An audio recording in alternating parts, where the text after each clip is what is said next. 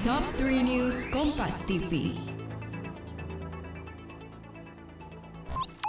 Dengarkan kisah para perempuan Indonesia dalam merangkul kecantikannya. Mulai dari pengalaman pertama kali berhijab, penyintas bullying dan beauty shaming, hingga para pejuang jerawat.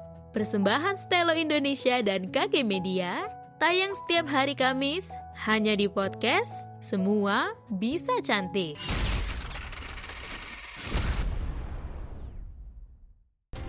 Halo sahabat Kompas TV, saatnya kita update 3 berita terpopuler yang terjadi di hari Kamis 21 Oktober 2021. Bersama saya Dea Davina di Top 3 News Kompas TV. Berita yang pertama sahabat Kompas TV, Aliansi Badan Eksekutif Mahasiswa Seluruh Indonesia BMSI hari ini menggelar unjuk rasa mengkritisi tujuh tahun masa pemerintahan Presiden Joko Widodo. Mahasiswa menilai selama Jokowi memimpin banyak persoalan yang belum terselesaikan. Sementara itu, Presiden Joko Widodo saat ini tengah berkunjung ke Kalimantan Selatan. Sempat terjadi saling dorong antara mahasiswa dan polisi.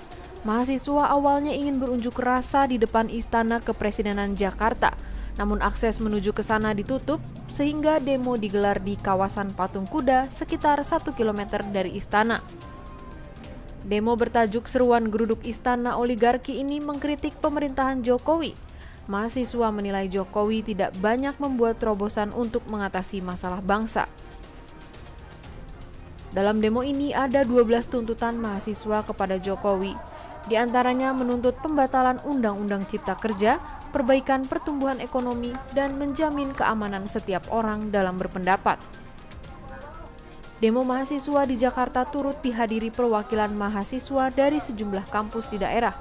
Sementara di daerah lain turut berlangsung demo yang sama. Selebgram Rahel V-nya hari ini memenuhi panggilan pemeriksaan oleh penyidik Polda Metro Jaya. Rahel V-nya diperiksa terkait tindakannya yang kabur dari proses karantina setelah kembali dari luar negeri. Selebgram Rahel V-nya tiba di Polda Metro Jaya pada pukul setengah tiga sore. Ia dijadwalkan polisi menjalani pemeriksaan pada pukul satu siang. Dalam pemeriksaan ini Rahel V-nya dipanggil bersama dua orang lainnya yang diduga juga ikut terlibat dalam kaburnya Rahel V-nya dari proses karantina, yakni teman dekatnya Salim Nauderer dan manajernya Maulida Hairunisa.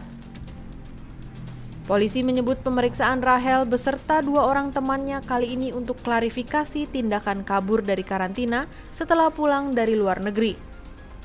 Jika terbukti melanggar, polisi menyebut Rahel bisa terkena dua pasal terkait, yakni Undang-Undang Wabah Penyakit Menular dan Undang-Undang Kekarantinaan. Berita yang terakhir, sahabat Kompas TV, mediasi antara Menko Kemaritiman dan Investasi Luhut Binsar Panjaitan dengan pegiat HAM Haris Azhar hari ini dibatalkan. Haris Azhar dan Koordinator Kontras Fatia Maulidianti kami siang menghadiri mediasi yang digelar oleh penyidik di Treskrimsus Polda Metro Jaya terkait tuduhan pencemaran nama baik yang dilaporkan Luhut Binsar Panjaitan. Namun kuasa hukum Haris Azhar menyebut penyidik menunda mediasi sampai batas waktu yang belum ditentukan. Sahabat Kompas TV, itu dia tadi tiga berita terpopuler yang terjadi hari ini. Sekarang saatnya saya, Dea Davina, pamit undur diri. Sampai ketemu lagi di Top 3 News selanjutnya.